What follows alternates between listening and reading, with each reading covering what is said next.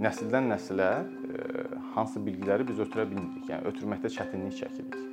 Yəni nəsillər arası məlumat mübadiləsi memarlıq və şəhərsalma sahəsində çox gəlizdir.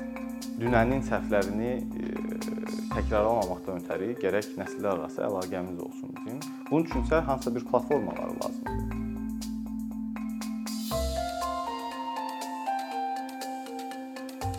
Memarlıq incəsənət növləri arasında ən böyük, yəni miqyasca və ən genişidir. Təsəvvür edin ki, bizim həyatımız ya hansısa bir binanın, hansısa bir memarlıq, yəni memarlıq dediyimiz bir tikilinin ətrafında və yaxud daxilində baş verir. Bu tək incəsənət növü deyil, sahəsi deyil. Bu həm də bizim yaşam mühitimizi, həyat keyfiyyətimizi təyin edən bir məfhumdur deyə bilərik. Yəni memarlıq və şəhərsalma ilə bağlı olan məsələlər hər hər birimizi hər birimizə aidiyyatı var. Ancaq bu həm də eyni zamanda həm hər kəsin, həm də heç kəsin konkret olaraq işi deyil. Yəni dövlətin və cəmiyyətin hansı institutları var bununla məşğul olur. Dövlətdən dövlətə fərqlənir. Ancaq konkret olaraq ümumilikdə memarlıq siyasətini təyin edən konkret bir təşkilat, institut yoxdur. Bugünkü memarlıq kontekstini başa düşmək üçün bizə çox vacibdir bizim tarixi, tarixə bir ekskurs eləyək. Son müstəqilliyimiz 30 ildir ki var, əldə eləmişik və bundan qabaq biz 70 il Sovet İttifaqının üzvü olmuşuq və Sovet İttifaqının sistemi, iqtisadiyyatı, sosial-siyasi durumu tamamilə fərqli idi.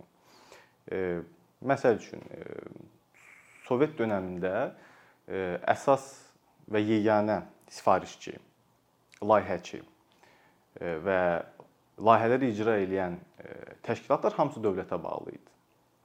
İndi vəziyyət fərqlidir. Düzdür, indi dövlətdə sifarişlər verir, ancaq fərdi şirkətlər, sahibkarlar da çoxdur. Yəni onlar da bu bazarda var. Ümumiyyətlə bazar yaranıb, belə deyək. Sovet vaxtı bazar yox idi.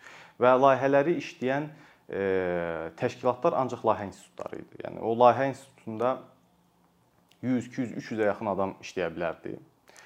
Və bu layihə institutunun belə deyək, imkanları da o qədər də geniş deyildi. Bazar çeşidliyi yox idi. Amma son 30 ildə iqtisadiyyat dəyişdiyinə görə və ümumiyyətlə sosial siyasi kontekst dəyişdiyinə görə şirkətlər də işə giriblər və proseslərdə iştirak eləyirlər. Yəni bizim bugünkü memarlıq və şəhərsalma bazarımız yenidir. Və hələ tam özünü belə deyək, özünü sorğulamayıb. Hələ özünü tam belə deyək, dərk etməyib. 30 il ərzində bizim şəhərsalma və memarlıq bazarımız da əməllicə dalğalanma yaşayıb. Yəni ilk 2005-ci ilə qədər ölkədə belə deyək, maliyyə axını kifayət qədər az idi, bir durğunluq var idi. Sonra 2005-2015-ci illərdə maliyyə axını oldu. Şirkətlər tikinti sahəsi genişləndi və bu gözlənilməz idi və nə layihəçilər, nə icraçılar buna tam hazır deyildilər. Və bu da öz mənfi təsirlərini, müsbət təsirlərlə bərabər göstərdi. 2015-ci ildən sonra isə ümumiləşdirsək bir hansısa bir formada başqa bir mərhələyə keçmişik. Ancaq bu mərhələlər bazarın fluktuasiyası ilə belə deyək də izlənilir və bu bu layihəçi təşkilatların, icraçı təşkilatlarının davamlılığını azaldır. Rəqabətlilik azalır. Çünki yəni hansısa bir vaxtda sifariş çox ola bilər və bir anda sifarişlər dayana bilər. Bu isə layihənin və icra prosesinin keyfiyyətini aşağı salır.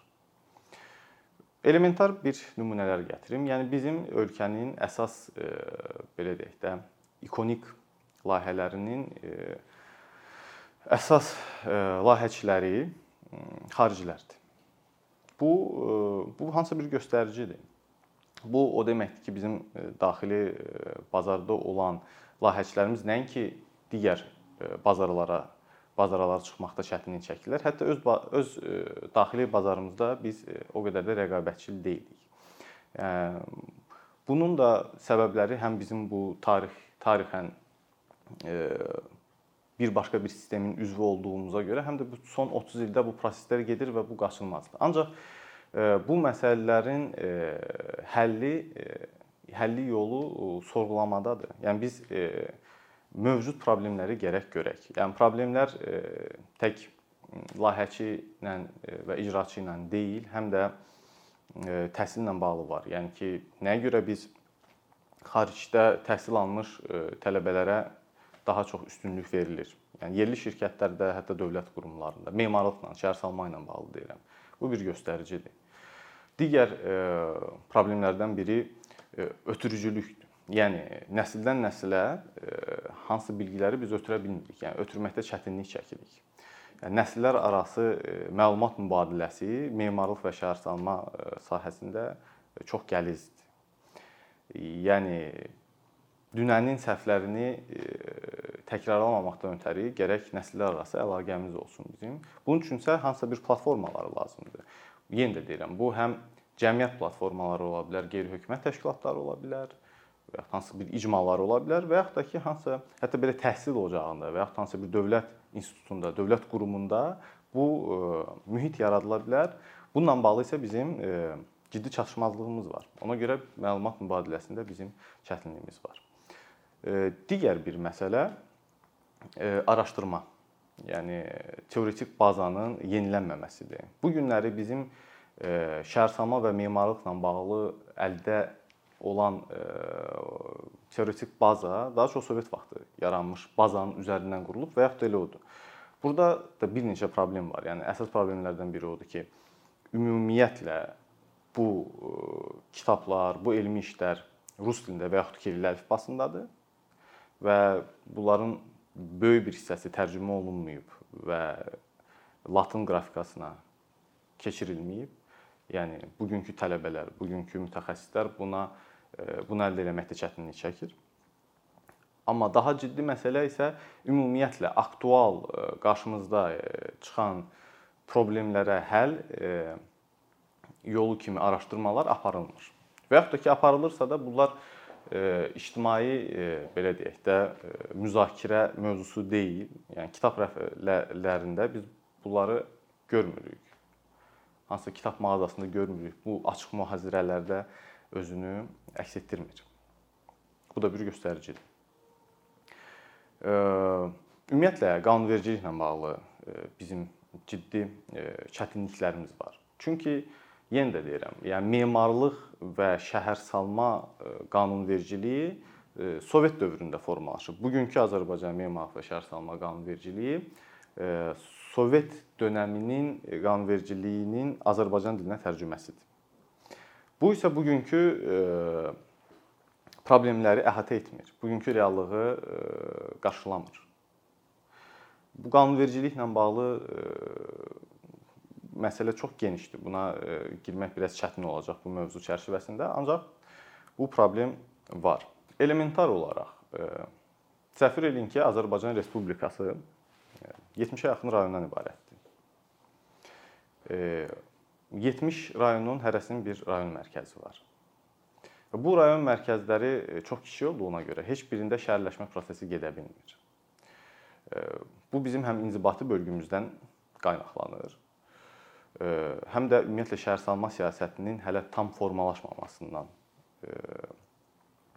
əmələ gəlir. Məsəl üçün qonşularımız Gürcüstan, Ermənistan Respublikası inzibati bölgüsünü daha böyük hissələrə bölüblər. Yəni 70 dənə kiçik hissədən ibarət deyil, nisbətən böyük hissələrdən və hər birinin öz azdan çoxdan öz ölkəsinin miqyasına uyğun olaraq bir şəhəri var. Ancaq bizdə çox kiçik rayon mərkəzləri var, hansılar ki şəhərləşə bilmir. Çünki paylanılır. Həm güclər paylanılır, həm maliyyə paylanılır, həm idarəçilik paylanılır. Bu isə nəticə etibarı ilə regionlarda yaşayan əhalinin e, öz regionunda hansısa bir şəhərin ona təklif elədiyi imkanlardan istifadə eləməyindən məhrum edir. Və biz e, kənd əhalisinin, rayon əhalisinin Bakıya kütləvi köçünün müşahidəsini apara bilirik. Yəni əgər bizdə kiçik şəhərlər olsaydı regionlarda, nisbətən kiçik. Bu miqrasiyasının qismən də olsa qarşısını almaq mümkün olardı. Şəhərsalma siyasəti tək məkansal məsələləri həll eləmir. Bu eyni zamanda iqtisadi, sosial və digər məsələlərə birbaşa təsir eləyir. Bugünkü şəhərsalma strategiyamız bizim daha çox Sovet sisteminin Azərbaycan dilinə, Azərbaycan reallığına otuzdurulma e, cəhdidir. Ancaq reallıq tamam başqadır. Və e, bununla bağlı e, məşğul olan məsəl üçün Azərbaycan Respublikası Dövlət Şəhərsalma və Arxitektura Komitəsinin boyuna düşən yük qısa müddətli gündəlik qarşıya çıxan məsələləri həll etməkdədir. Ancaq ümumi uzun müddətli e, strategiya qurması üçün e, daha e, böyük imkanlar lazımdır. Köməkçi qurumlar, təşkilatlar bu tək dövlət yox, həm də ki dövlət yanında və yaxud dövlətə aidiyyatı olmayan icmalar və cəmiyyətlər tərəfindən belə deyək, iş cəmiyyətlərlə birgə işbirliyindən yarana bilər. Çünki bütün məsələlərin əsası diaqnozun düzgün qoyulmağıdır. Yəni mənim qeyd elədiyim məsələlər ötəri üzərindən keçdiyim məsələlərdir. Ancaq daha konkret, daha dəqiq və əsaslı təhlil aparılmalıdır. Kim tərəfindən necə aparılmalıdır, bu məsələnin ikinci tərəfidir. Ancaq belə bir institut institutlar qurulmalıdır və bu institutlar e, bizim memarlıq və şəhərsalma ilə bağlı olan problemləri diaqnostika eləməlidir və davamlı e, ictimai e, və yaxud da yarı ictimai müzakirələrə çıxartmalıdır. Hətta bağlı müzakirələr də ola bilər. Əsas odur ki, problemləri biz görə bilək. Və bu problemləri görməkdə tək dövlət yox, həm də digər tərəflər də iştirak eləməlidir biz bu diaqnozu qoyandan sonra e, həll yollarını axtara bilərik. Bunun üçün e, forumlar, festivallar, açıq müzakirələr, açıq mühazirələr, hansısa bir institutlar, hansısa bir təşkilatlar, hansılar ki, e, fərqli sahələrin mütəxəssislərini birləşdirib onlardan fikir ala bilmək imkanında olacaq. Bunların hər biri bu dialoq üzərində e, qurul qurulmalıdır. Onda bu effektiv olur. Və nə qədər çox, nə qədər fərqli e, baxış eyni problemə biz ala bilsək, bir o qədər dəqiq diaqnoz qoya bilərik və bir o qədər bizim e, uzun müddətli siyasətimizi təyin etmək üçün yaradacağımız siyasət daha dəqiq olacaq. Memarlıq və şəhərsalma eyni zamanda abidələrlə bağlı məsələləri də həll eləyir bir kiçik nümunə. Azərbaycanda memarlıq abidələrinin e, aşınma, dağılma sürəti dövlətin onu bərpa eləmə sürətini qat-qat aşır. Yəni uzun müddətli perspektivdə biz e, ciddi çətinliklərlə üzləşəcəyik və artıq üzləşirik. Bununla bağlı hansısa bir e, ciddi bir siyasət təyin edilməlidir və yoxlanılmalıdır. Bu necə eləyək ki, bunun qarşısını alaq. Bir dənə də məsələ var idi ki, bu sosial aspektdir bizim bugünkü cəmiyyət, yəni cəmiyyəti təşkil edən əhalinin kifayət qədər böyük qismi Sovet dövründə təfəkkürü formalaşıb. Və yaxud da ki, Sovet dövründə təfəkkürü formalaşmış insanların ailəsindən çıxmışıq biz. Və ona görə də biz e, tam da bazar iqtisadiyyatına hələ uyğunlaşmamışıq. Yəni müasir Azərbaycanlı gedib öz evinə bir layihə sifariş eləməyi və yaxud memara inanmağı və yaxud hansısa bir şəhərsalma məsələsini müzakirə etmək e, belə deyək də, e, vərdişi hələ formalaşmayıb. E, bu vərdişlərin formalaşması üçün həm uyğun mühit, həm də vaxt lazımdır. Ancaq bunların formalaşması ilə biz bir cəmiyyət olaraq, dövlət isə cəmiyyətin bir hissəsidir yəni dövlətdə işləyən insanlar eyni zamanda bu problemləri fərdi şəkildə görə bilərik və fərdi şəkildə görülən problemlər, çatışmazlıqları həll etmək üçün hansısa bir addımlar atıla bilər. Qeyd edilən məsələləri müzakirə etmək çox əhəmilidir. Çünki refleksiya sorğulama və polemika bunun üzərindən e, keçir məsələlərə aydınlıq gətirmək. Yəni gərək biz ilk olaraq bizi narahat edən məsələləri görək, onların onlara düzgün qiymət verək, diaqnozu qoya bilək və ondan sonra artıq biz reallığımızı, yəni real konteksti nəzərə alaraq